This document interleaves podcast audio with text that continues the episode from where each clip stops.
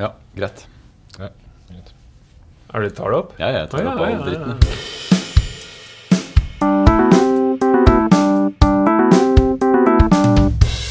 Den gang da. Hei, hei, hei, hei, hei, og velkommen til denne fantastiske, flotte historiske podkasten Den gang da. Eh, mitt navn er Henning Mortensen. Med meg så har jeg som vanlig Hans Rosvold Hontvedt. Velkommen. Takk for det, Henning. Og ved siden av deg, som vanlig, sitter Jørgen Lie. Takk for det, Henning. Går det bra med dere i dag? Ja. Ja. Har dere hatt en uh, fin uke? ja. Ja, ja, ja, jeg har det. Jeg har det. Har det. Ja. I dag så skal vi, eh, som den observante lytter kanskje har fått med seg, noen av dere, at episode to er borte fra internettet. Eh, den episoden var det en del problemer med lyden og diverse, så vi tenkte da, Med oss, ikke minst. Vi, var, vi var ikke helt fornøyd med innholdet heller. Nei, men det må vi ikke si for høyt, da. Men men vi var i hvert fall fornøyd med innholdet heller. Okay, Ja, bare, si det klippe, lavt. bare klippe bort. Klippe bort det. Men uansett, så vi tenkte at vi skulle spille inn eh, tematikken fra episode to en gang til. Og episode to handlet jo om antikken. Uh, og antikken er jo et veldig spennende tema som vi kanskje spiller inn en gang til fordi vi syns det er gøy. Men hvilke forhold har dere til antikken? Uh, det er jo gammelt, da. Antikken er gammelt. Du tok ordene ut av munnen min. Det var det? veldig bra. Unnskyld. Nei, det var veldig fint. Jeg vurderte å ikke si det, og så sa jeg det ikke. Og så Ja, okay. sa du det. Da har vi fått sagt det allikevel. Når var antikken? Veldig lenge siden. La oss si ca. Ja, hva skal man si, mellom 700 og 500 før vår tidsregning til, eh, til omtrent 400-500 etter vår tidsregning, kanskje? Før middelalderen, Ja. kan man si. Vi definerer jo antikken gjerne, i hvert fall i Europa, fra da, altså gresk og romersk antikken. Hvor det er da fra oppstandelsen av disse greske bystatene rundt ja, 700-800-700 før vår tidsregning, til da Romerike, Vest-Romerrikets fall 500 etter vår tidsregning. Uh, og vi, jeg tenkte vi kan begynne litt med gresk antikken. For det er jo den uh, som dominerer da rundt middels, Altså den greske kulturen er jo den som dominerer rundt middels, middelhavsområdet fra rundt som sagt 700 år før vår tidsregning. Og da er det da disse greske bystatene oppstår, disse polisene. Kan ikke dere beskrive hva er en polis? Ja, det er jo ikke en, eh, ikke er en ikke- svensk embetsmann. eh, Eller eh, Ikke lov til å spøke med er sting. ikke Nei, det er ikke Nei, akkurat, akkurat, ah. hadde nettopp tenkt å ta en bassiststritt. Nei, men uansett, det er jo små samfunn, da, kan man si. Eh, selvstyrte.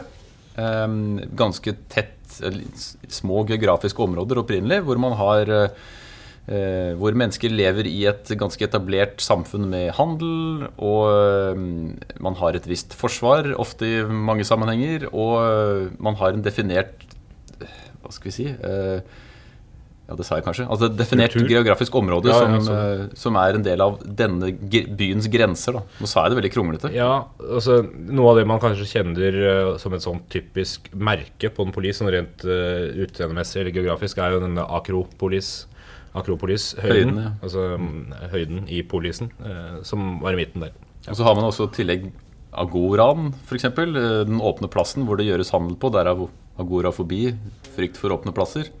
Det, jeg vet ikke om det kommer derfra. Men, Det eh, kommer jo fra det, agora. ja. ja, men jeg vet ikke om det var i Hellas man oppdaget at noen hadde frykt for å være der. Være på eh, agora? Ja, usch a meg.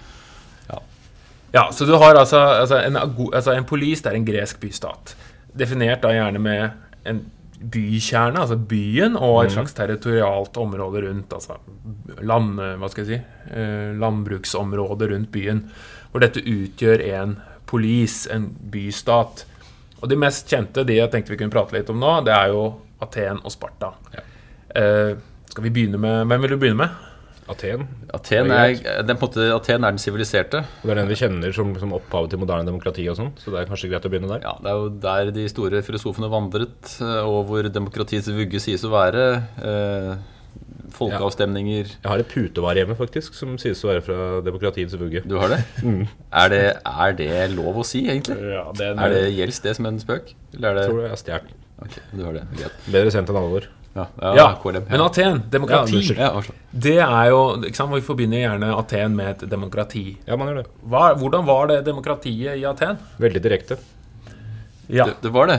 Og øh, man hadde jo folkeavstemninger om det aller meste. Um, det er ikke overdrivet å si det. Uh, og man hadde et system som skulle unngå korrupsjon. Det var mye av grunntanken kan man vel si, bak eh, systemet. At, man skulle, at folk ikke skulle ha embetet for lenge. da Man, unnskyld.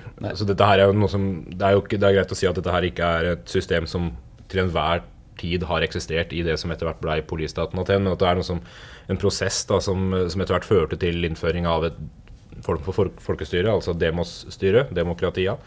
Med, gjennom prosesser med Solon og Kleistenes og Peisistrastos og en haug med folk. Eh, ja. Ja. For å unngå da maktmisbruk og mm, gi folket litt makt. Ja, og, og så samlet man seg jo ved Amfiteatret, og så eh, hadde man eh, folk som la fram sakene, og så stemte man over sakene som ble lagt fram. Og man stemte om alt. Eh, og man hadde også jeg skulle si, man hadde stillingene på anbud. Det var omtrent sånn at man ble foreslått, og så ble man eh, stemt inn for en viss periode. Eh, I hvert fall de aller fleste stillinger hadde den type valgform. da. Og valget er jo ikke nødvendigvis valg sånn som man har i dag. For de fleste embeter blei man eh, valgt inn på gjennom, eh, gjennom det som kaltes ostrakisme, som er en sånn form for eh, loddtrekning. Ja. Nei, Nei, det var vel egentlig landsforvisning, var det ikke det er landsforvisning, ja. Ostrakismen. ja. At man stemte over hvem som skulle stemme. Hvis du skulle bli stemt ut av Hvis du hadde gjort noe gærent, så kunne de stemme deg ut, altså landsforvise deg med skrive navnet ditt på et potteskår. De aller fleste embetene blei vel egentlig tatt ved loddtrekning.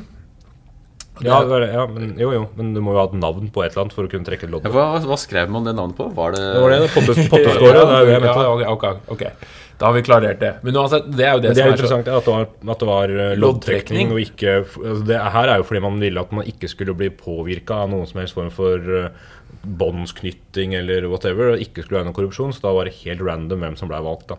Ja, en slags tilfeldig politikk hvor man kunne fra hvilket samfunnslag kunne bli trukket til å få en stilling, eller stille i da råd, rådsforsamlingen. Og det er jo dette, de 500s råd, som var ja, en slags, eh, slags regjering som skulle komme med forslag som ting som skulle tas opp til behandling i, i folkeforsamlingen, og stemmes for der. Det, det, det var vel eh, ett embete der man ikke gjorde det ved loddtrekning, og det var vel strategene som styrte i krig, for da tenkte man at det var greit å ha noen som var kvalifisert. Det var såpass viktig. Det var såpass viktig. Ja. Og så bør det også sies at det var ikke alle som kunne stemme, selvfølgelig. Det var jo menn, eh, som jo mange historiske eksempler på det samme, og over en viss alder, og med en viss eiendom. Nei, de gjorde, og ikke minst hadde to atenskfødte foreldre, så det var en ganske, ganske snever del av befolkninga som hadde stemmerett. Ja, fordi alle kunne ikke kalle seg atenere. Nei, Nei, det var en eh, rettighet, eller en Ja, og det var en ganske det, du, du måtte ha to norsk Unnskyld, norsk? Det er Veldig spesielt. To atenskfødte foreldre, eie landområdet eh, og være over en viss alder for å kunne bli, få borgerstatus. da. Ja. Eh, Så alle menn over 19 kunne vel stemme ved eh, folkeforsamlingen. Ja. Og for å komme inn i da dette, disse 500s råd, så måtte du være over 30. Mm. Og så da var det jo 50 stykker som ble trukket fra hver fyle. Og det jeg syns er litt Altså, de har løst et ganske intrikat politisk problem i Aten. Ved at hver fyle eh, Som er? Som er et slags fylke, da. Du kan si det er et fylke uten K, ja, som ho- ho- Men, men hvor hver fyle var hadde et innlandsområde, et byområde og et kystområde. Nettopp for å unngå at man skulle ha geografiske preferanser, at noen områder skulle ha særinteresser. Ja. Og det hadde jo altså, det hadde jo fjernet hele velgergrunnlaget til Senterpartiet hvis vi skulle gjort det i Norge. Ja, det er positivt. ja. Ja, takk. politisk Men det, det, det fordrer jo at eh, fylkene er veldig eh, skjært opp etter landets utseende, da. Så Ja. Norge hadde jo kanskje hatt litt større problemer der enn Hellas, ikke vet jeg.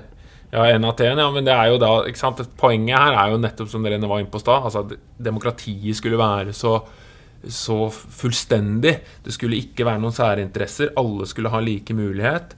Og det var ikke, ikke sant? For å forhindre at noen skulle få særinteresser og, og klare å bygge seg opp en, en posisjon som gikk ut over liksom, polisens interesser.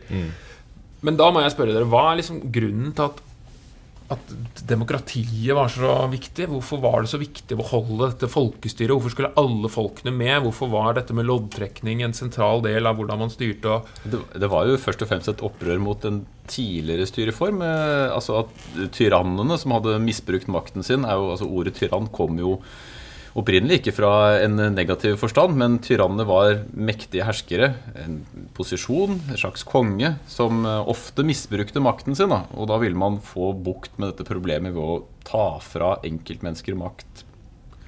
Det skal også, ja, ja. Det skal også sies at atenske kulturen rundt dette med deltakelse eh, har jo nær sammenheng med på en måte hvordan vitenskapen og filosofien blomstra i det området der. Så det er klart at det er jo åpenbart at det er en form for verdi man ser i, i det å få folk med da, på, på det som skal eh, utvikles. Mm. Og så har det vel litt også med krigføring å gjøre. Det at Ja. alle skal jo stille til krig. Fellesskapet. Ja, og for å få folk til å gidde å betale for krigsutstyr og stille opp, så må de føle at de har en slags tilknytning Ja, ja. og en Bonde, kriger, borger-prinsippet. Altså er, eller et eller annet. Du er eh, du, du, du har på en måte en rolle i, i alle deler av eh, statlig utvikling, eller polisstatlig utvikling. da. Fordi alle skal delta, så da må alle ha en viss mulighet til å si noe.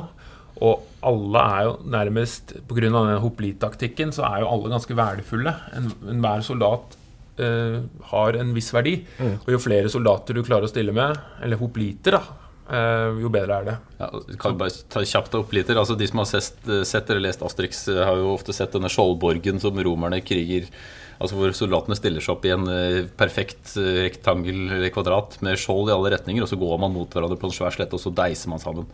Og det var jo krigstaktikken som eh, var utbredt i store deler av antikkens Hellas. Et par fun facts derfor er jo selvfølgelig at de som havna i første rekke, de hadde jo den dårligste posisjonen, fordi de blir mer eller mindre brukt som snøskuffe mot Ja, det blir jo skjold for de bak. ja, så man sto på en måte bak Når man møtte denne her og deisa sammen, så, så var man på en måte skyvelær mer enn eh, noe annet. Ja. Men det krever jo at man også har et samhold. Man må stå sammen skulder til skulder, da, og man må ofre seg litt for fellesskapet. Ja, ja, ja. Og det er ikke individuelle ramboer som løper ut Nei. og er deiser løs. Men det var stor skam i det å bryte ut av hoplittfalansen og eventuelt uh, redde deg sjæl eller eh, whatever. Du, du ofrer jo på en måte flertallet her, da. Ja, og det er jo, er jo flere filmatiske beskrivelser av dette, bl.a. 300, som sikkert mange har sett, hvor man ser styrken da, i dette samholdet. Som kan, eh, hvis man står strategisk godt plassert inni en eh, smal dal f.eks., så har det store strategiske fordeler å stå samlet. Man kommer ikke gjennom denne skjoldborgen som med spyd stikker det fram. Og det er ja, grusomt å gå mot. Ja. Og Aten, eh, for å oppsummere litt nå, Aten er et demokrati. Aten har en nærmest en ekstrem direkte demokratisk form. Altså mer kanskje det vi forbinder med i dag. Det at nettopp alle kan bli trukket ved lodd. Eh, alle kan, skal være med å styre. Folkeforsamlingen tar direkte eh, valg ved å stemme på ulike saker. Som igjen fører til oppveksten av filosofi og sånn. ikke sant? Husker, tenker på Sokrates som går rundt og utfordrer enhver som tror han veit noe, og, eh. Og, men så kom du inn på 300 her. Da tenker jeg det er en fin overgang til, til Sparta. Ja. For Sparta var ikke så demokratisk. Nei, de er jo antidemokratiske, nærmest. Eh, Nærmest? De er vel det. De er vel det. Ja, de er vel det. Men det er likevel en polistat? Ja, det er en polistat. Det er en- ja, altså, Det var jo omtrent 1000 polistater i det greske området på den tida der. Eh, Det som i dag er Hellas, eh, mer eller mindre. Og det er klart at de er ganske forskjellige. Eh, Og Aten er på en måte skiller seg ut i demokratisk retning, mens eh, Sparta nok skiller seg ut i en litt annen retning. En krigersk, eh, utprega krigersk retning. går det an å finne en sammenligning fra dagens samfunn hva Sparta kunne vært?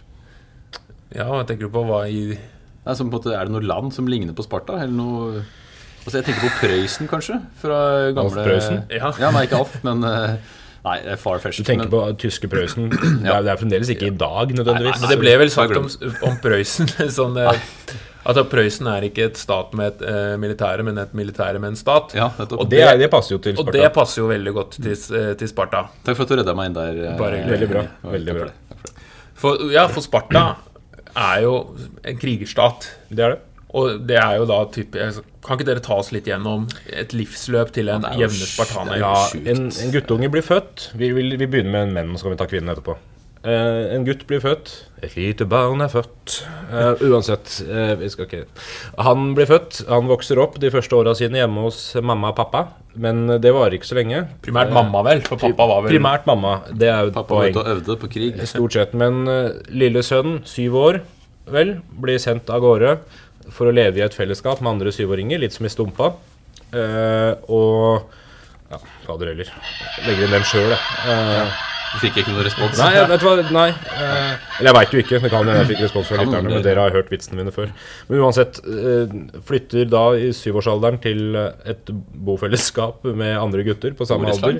Bofellesskap. En internatskole-typ, der de fostres opp innafor krigføringens art. Eh, og Og det var vel ikke noe dans på roser? Nei, krig er jo aldri en dans på roser. Eh, med mindre det er rosenes krig. Uansett rosekrigene. Men de, de, de små gutter eh, trener på slåssing og lever sammen for å få et fellesskap. Ideen her er jo at de ikke skal knyttes i så stor grad til familien sin, men først og fremst til andre unge spartanere som de skal kjempe med i kriger seinere. Ja, de eies jo av staten. De er- de det er staten, statlig eiendom. Ja. De, det er ikke noe Det skal også sies da at uh, før gutten rekker å bli syv år gammel, så må det jo vurderes om han har rett til å leve. Og hvis han ved fødsel anses som for svak, så hives han utfor en klippe for å dø.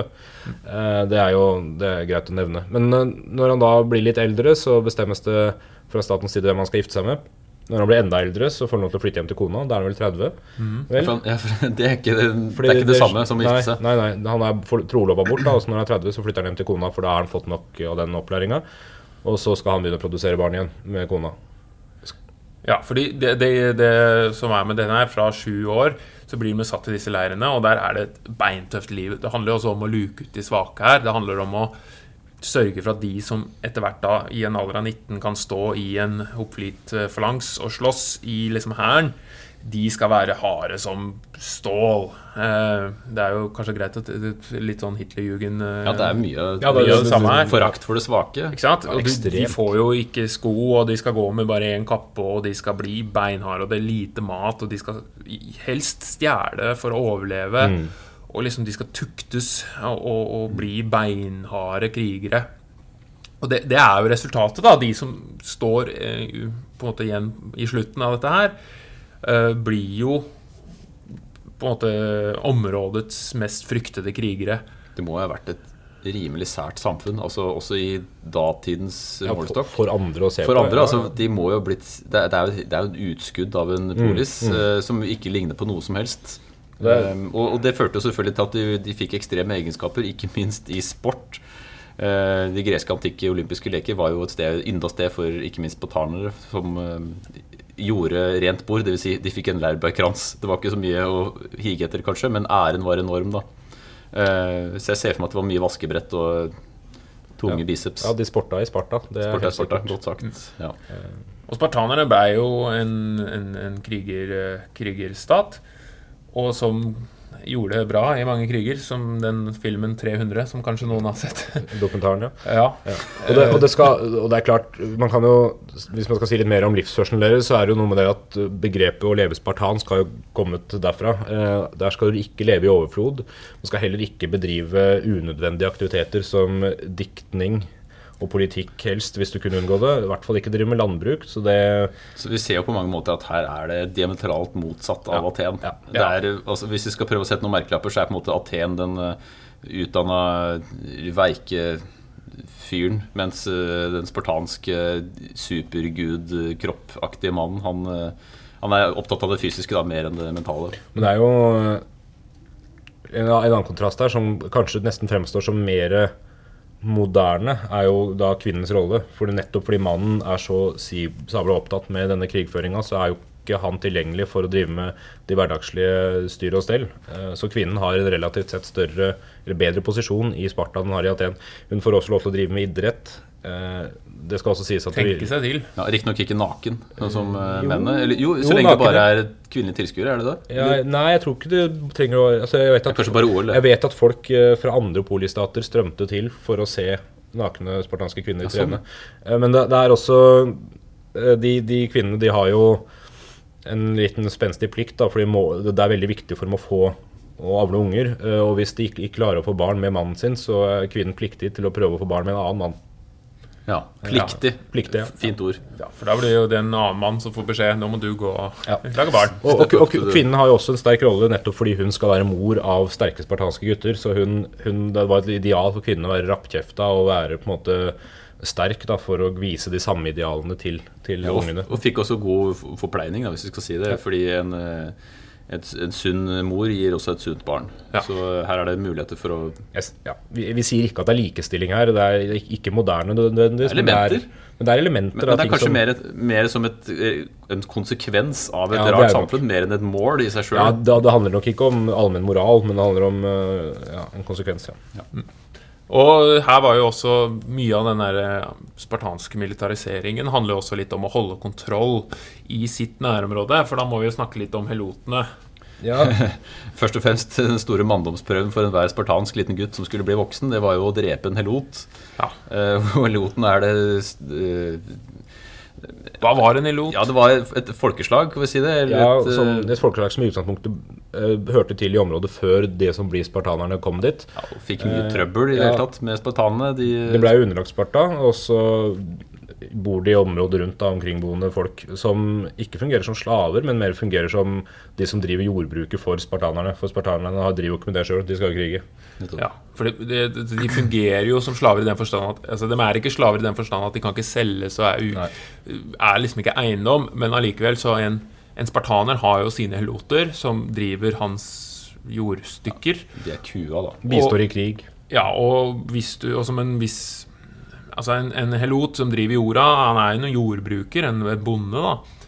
Og, og må gi da vel halvparten av liksom avlingen sin til denne spartaneren, som skal bidra med dette til fellesmåltidet blant spartanerne. Det er nok et viktig aspekt, det fellesmåltidet. Det, det er jo, en, det er jo en, et samfunn der privat eh, eiendom og privat sfære ikke eksisterer. Eh, Alt skal foregå i fellesskap. Du sitter i fellesmåltid eh, der du bidrar med mat, og alle eter blod. Det var mye blod. Så det er jo som å gå på folkeskole, altså. Det er på det er som å blande Det er folkehøyskole. Det er jo enda bedre enn Stompa.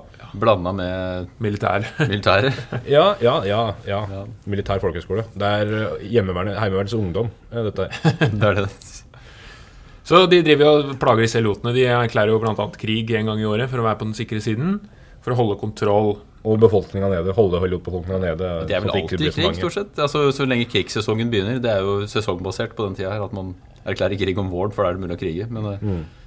Og de, de, eh, det er jo tøft å bli spartaner. Det er vanskelig å få til. Du må gjennom alle disse årene med tukt og helsike for å klare å stå ut på den ene enden som spartaner. Og de er jo svært konservative, og de, de skrumper jo mer eller mindre inn uh, som en polis etter hvert. Ja, det er vel ja. På storhetstiden så har vel Aten rundt 40 000 Mm. borgere, mens Aten ligger på rundt 8. ja, Sparta, Sparta. Sparta, ja. Så det er en liten knuslestat som, eh, som slår voldsomt fra seg i en periode. Ja, de sparker jo fader de unna. Ja. Og eh, så, så dette er jo i liksom den klassiske tiden fra rundt sånn 500 innledes med perserkrigene, eh, hvor den greske bystaten er det som dominerer da middelhavsområdet. Men så Men skal vi ja, Vi kan ikke nevne pers perserkrigen uten å si noe om det. har det? Ja, du må gjerne fortelle litt. Nei, det er jo en krig, da. Um, mellom Der, der Persia Er Persia med? Per, per, ja, pers, ja, det handler ikke om tepper, dette her. Der, der Perserriket eh, går i krig med en koalisjon av greske bystater, og der vi ser at Sparta og Aten faktisk samarbeider eh, mot, eh, mot Persia. Uh, det, her, det er jo et av slagene herfra, slaget ved Termopylene, som uh, Skal vi også trekke linken til filmen 300? Vi kan ikke la være til Nei, 300 mulig å nevne hele tida. Og der er jo Serkses eh, flott fremstilt som denne, ja. ja, denne fantastisk stemme. store Halvguden med halvguden. 4,5 meter høy og med øredobber ut av nesa. Ja. Det, er det, ne- er ikke øredobber. Og hvor de da står og forsvarer eh, Vestens eh, eh, sivilisasjon og Ja. Men den er jo litt sånn Den er, satt, den er jo satt på spissen, det kan Det er en slags tegnefilm. Veldig, og de var jo ikke så veldig Altså sånn snille. Sånn, det er jo snill mot slem fremstilt her, men det var jo ikke det. Altså, Det som vi nevnte med helotene Ja, og ja, eh. Så det var jo Ja. Men uansett, det jeg skulle fram til eh, For vi må komme oss litt videre. For jeg tenker vi skal også Vi må snakke litt om Romerike. Og Der veit jeg du, Jørgen, har din interesse. Ja, glad i Romerike. Eh, baserer selvfølgelig mye av kunnskapen der også på Asterix. Eh, man trenger jo ikke mer enn det. Eh, men det er jo et eh, samfunn som lånte mye av det greske samfunnet, og som tok mer eller mindre over eh, i hele Middelhavet, eh, utover rundt år null og videre. Eh, først en republikk, deretter et keiserrike. Først et kongerike. Ja, først et kongerike. Først og samlingen av Italia først. Og spredte seg voldsomt. En veldig ekspansiv politikk som førte til eh, Ja, er det Nei, det er det nest største landområdet et rike noensinne har hatt, etter det mongolske, tror jeg. Det er på sitt største helt enormt fram til Altså fra Afrika i sør til eh, Skottland i nord. eh, ja. De, eh, altså, som du sier, de begynner jo egentlig som en bystat, det her òg. En romersk bystat med en konge på toppen. Som man Masse myter knytta til opphavet her, vi trenger å snakke om de, men man etter hvert kaster kongen. Som, og, og innfører republikk, da, og elsker den republikken. Eh, Ja, Får et sånt system som ligner litt på det greske, men kanskje litt mer pragmatisk. Eh, Ja, og mer kan- korrupsjon. mer korrupsjon og mer knytta til enkeltpersoner, selv om det jo var et republikk. I motsetning til liksom det, det atenske idealet om tilfeldigheter og alt annet enn måte, subjektive koblinger og sånn, så, så er det jo noe med det at eh, det romerske republikken fremelsker eh, ja, familiebåndene og, og ideen om eh, allianser og sånne forhold mellom hverandre. Ja, for det, det, er det begynner jo også som en bystat. Ikke sant? Roma som en eh, by, liten bystat, som de andre greske Eller som andre kan sammenlignes med greske poliser. Men hva er det som gjør at denne bystaten vokser til å bli dette store imperiet som du sier strekker seg fra Afrika til Skottland?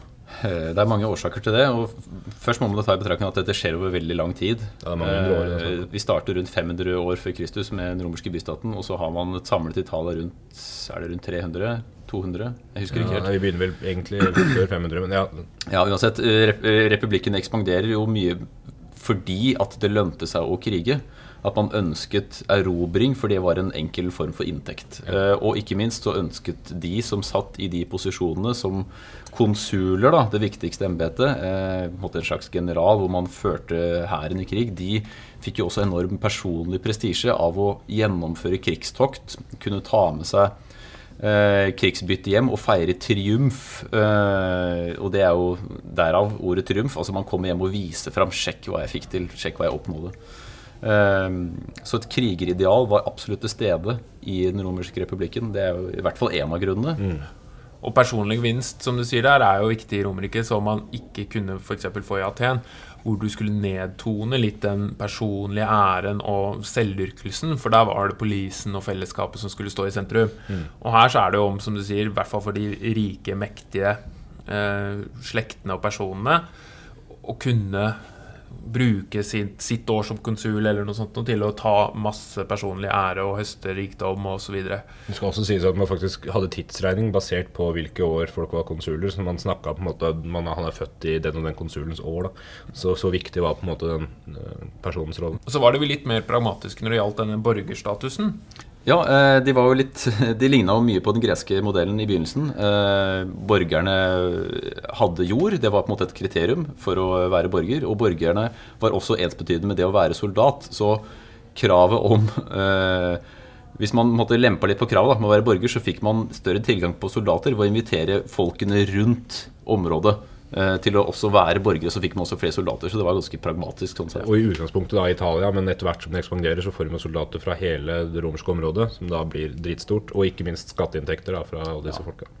Så eh, til slutt så endte man opp med en voldsom hær eh, som eh, verden aldri hadde sett maken til. Eh, som eh, plyndret og herjet og erobra og eh, konsoliderte, som det heter. Altså ivaretok erobringen etterpå i eh, mange hundre år etterpå. Og klarer jo da å få dette store imperiet. Eh, Romerriket, som dere nevnte, er jo først, en, eh, ja, først et kongerike, men så en republikk. Og så går det over da til å bli et keiserrike. Kan dere fortelle litt om den overgangen? Ja, altså Hvis vi tar utgangspunkt i det siste hundreåret før øh, vår tidsregning, så har jo en republikk som egentlig har vokst seg ganske Det begynner å anta en del øh, proporsjoner. øh, og, men, men samtidig med, med kanskje litt sviktende struktur internt. De har jo, en, de har jo et, et system med et veldig sentralt på måte, senat på toppen, og det snakk om alt det der. ikke sant? Og så har du eh, stadig vekk enkeltpersoner som prøver å ta mer og mer makt. Det, har jo en, eh, det kan vi nevne som en kontrast, eller ikke kontrast, men som et, eh, en annen eh, begrep og den, som man gjerne i dag sammenslår med tyrannbegrepet, som vi nevnte i stad. Hvor du har en diktator ikke sant? i de tidene der, der republikken Roma går dårlig, så Eller, eller det var krise, eller var, var krisetilstand, så avsetter man på en måte senatets makt litt grann, og setter inn en, en diktator som skal styre og få det tilbake igjen. Og dette, Folk får den rollen her uh, i litt større utstrekning de siste 100 året før uh, vår tidsregning. Uh, og etter hvert så bryter det ut eh, borgerkriger internt, eh, som ender i et, eh, et, eh, en overgang til et keiserrike. Det er jo én mann som eh, først og fremst utnytter dette, og det er jo Julius Cæsar. Ja. Cæsar er jo bare en tittel, så det finnes så mange Cæsar, men altså Cæsar er, Ja, det er det som er opphavet til keiser, eksempel. Ja. Eh, og han eh, utnytter dette embetet. Altså, det skulle egentlig vare i seks måneder, og så skulle man gå tilbake, men eh, Han, han tok det jo. Altså, tok han, det på livstid til slutt. Og han ble jo ikke gitt det heller, da, skal sies. At han tok det. Og og grunnen til at han klarte det, var jo at han hadde enormt sterke bånd til sine hærer. Altså, de hadde et tillitsforhold til han personlig.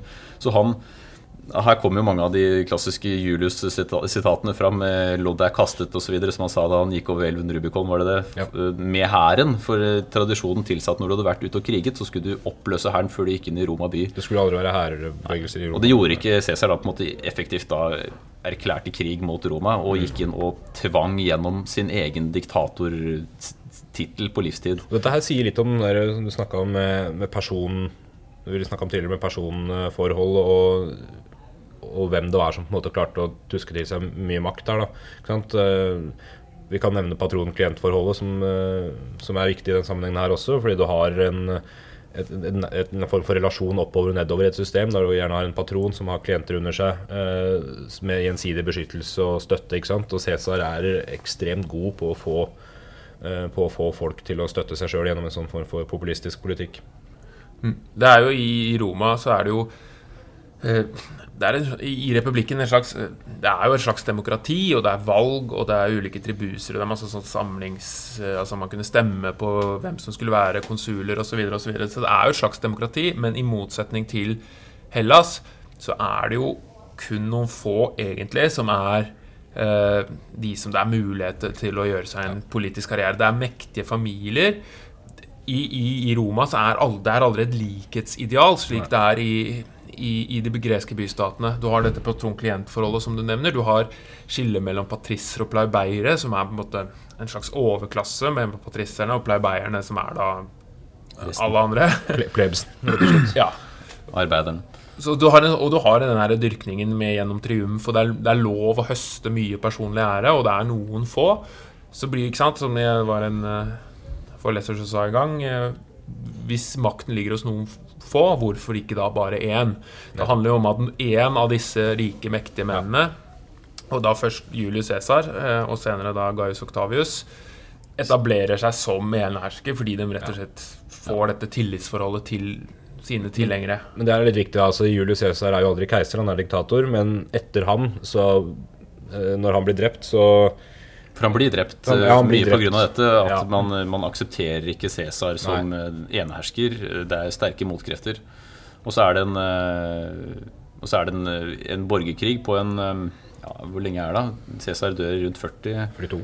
42, og så er, eh, blir det keiser Augustus ja, Nå husker jeg ikke årstallet, men det er eh, Rundt 30. ja. Så det er en tiårsperiode, i hvert fall. Ja, med borgerkrig der eh, denne, som du nevnte, Gaius Octavius, eh, Octavianus, skal du hva du vil. Ikke hva du vil, eh, men som for øvrig også er Divi Augustus. som er, ja, som er adoptivsønnen til Julius Cæsar, og samtidig Hva blir det? Svigersønnen hans, eller ja, det er et eller annet sånt. Nevø, eller noe sånt. Og, og han, han vinner denne borgerkrigen, tar navnet til Julius Cæsar, så han får et ja, han, han tar på en måte Cæsar-navnet også, og gjør seg sjøl til, eh, til keiser, og tar tittelen Augustus. Ja. eh, Keiser Augustus er jo den første keiseren. Og han innleder en slags stabilitet. Pax Romana er jo liksom tiden etterpå hvor det er sånn indre fred, og så er det en del borgerkriger og sånt. Men jeg må bare, før jeg ser tiden går her, men vi avslutter med oppløsninga. Fordi på denne da disse tiårene etter så bygger jo Romerike seg enda videre ut. Og som det ble nevnt her, helt opp til Skottland. Altså det er et enormt De nærmeste hundre 100 åra etter null så vokser det fantastisk. Men når går det gærent? Altså, det, er det under Trajan hvor eh, riket er størst? Eller om det er rundt uh, på 100-tallet en gang? På en måte det største. De, de tar store områder i dagens Tsjekkia, Bulgaria og Men til slutt, altså, det er noe som heter at det er rettere å erobre et rike enn å holde det.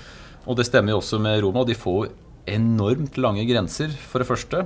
Eh, og så er det jo også en oppblomstring i Nord-Europa. De såkalte germanske stammene blir stadig mer trøblete å forholde seg til for romerne. Ja, folkevandringstid. og de har, jo, de har møtt dem før. Det er bl.a. et sagnomsust-slag i Tautoburgerskogen. eh, Det var vel i år Det var ganske tidlig, tror år ni eller noe sånt. eh, Hvor romerne mista en hel legion til germanske stammer, og siden aldri Det var legion nummer 21 eller sånn, og den, den, den sluttet å få navnet legion 21 fordi de ville ikke minnes det slaget osv. Men etter hvert så blir disse stammene sterkere og mer trøblete, og så skrumper gradvis riket inn. I tillegg til at du nevner interne problemer, eh, selvfølgelig, med at det blir altfor stort å administrere. Det fører til at eh, skatteinntektene blir vanskeligere å få inn til Roma. Det blir mer korrupsjon rundt omkring som er vanskelig å håndtere. Og så splitter man opp riket i to deler. eh, I utgangspunktet flere også, men eh, etter hvert to deler, hvor du har en keiser i vest og en, en annen keiser i øst, som etter hvert blir plassert i Konstantinopel, oppkalt etter keiser Konstantin. Eh, og så Det er jo litt rart at Konstantin flytter hovedsetet i Romerriket fra Roma til- til Byzans, ja. ja. til, til Istanbul, da, eller Konstantinopel. som for, ja. Og så burde det også nevnes at det er jo ikke alle keiserne som er like godt skikka. Vi har jo et par grelle eksempler med Nero, selvfølgelig, som, eh, som eh, mange mener satt fyr på byen sjøl og var mest opptatt av å spille skuespill. Eh, og gifta seg med søstera si og ja, osv. Det er en, p- et- ganske mye eh, historier om ikke skikkede Var det ikke. Caligula som gjorde hesten sin til konsul? Jo, eller, noe eller var det general? Ja, et eller annet sånt Ja. eh, sinnssykt. Ikke, Hesten inviterte til fest. Ja. det er helt, men, men uansett, da, dette her, det, blir, det, det rakner etter hvert i sømmene, både pga. ytre og indre press. Og det, og det splitt, altså Vest-Romerriket eh, går dårlig, Øst-Romerriket overlever, men Vest-Romerriket faller da endelig mot, eh, for germansk press, bl.a. på 400-tallet. Og da er det jo det som innledes til det som er middelalderen. Og nå skulle jeg jo sagt neste gang skal vi snakke om middelalderen, men det skal vi jo ikke, fordi den har vi allerede Ja, spilt inn for folk lenge hører da Hvis Ja. folk hører det her som episode to, så er neste episode episode tre middelalderen. Så gled dere til den. Ja. Ja. Uh, har du noe med Vi må avslutte, tida går her, men uh, Romerike forløses og oppløses. Men uh, har du noe dagens ord? Nei. Ikke noe dagens ord i dag? Nei. Nei, Jeg har ikke begynt med det ennå. Det begynner jeg først med episode sant det. L10. Det kommer ikke før i Ja, 11-12. eller noe sånt. Stemmer det. Så jeg vet ikke hva du snakker om i det hele tatt. Nei, godt poeng. Nei. Men, da, men lydmaskinen har du kjøpt. Ja, Så har du en Jeg sier takk for i dag, jeg, da. ja. Vi vi skal gå på en trommevirvel, kanskje? Ja. Er det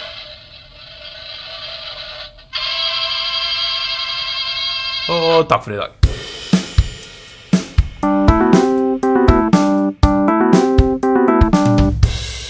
Den gang da.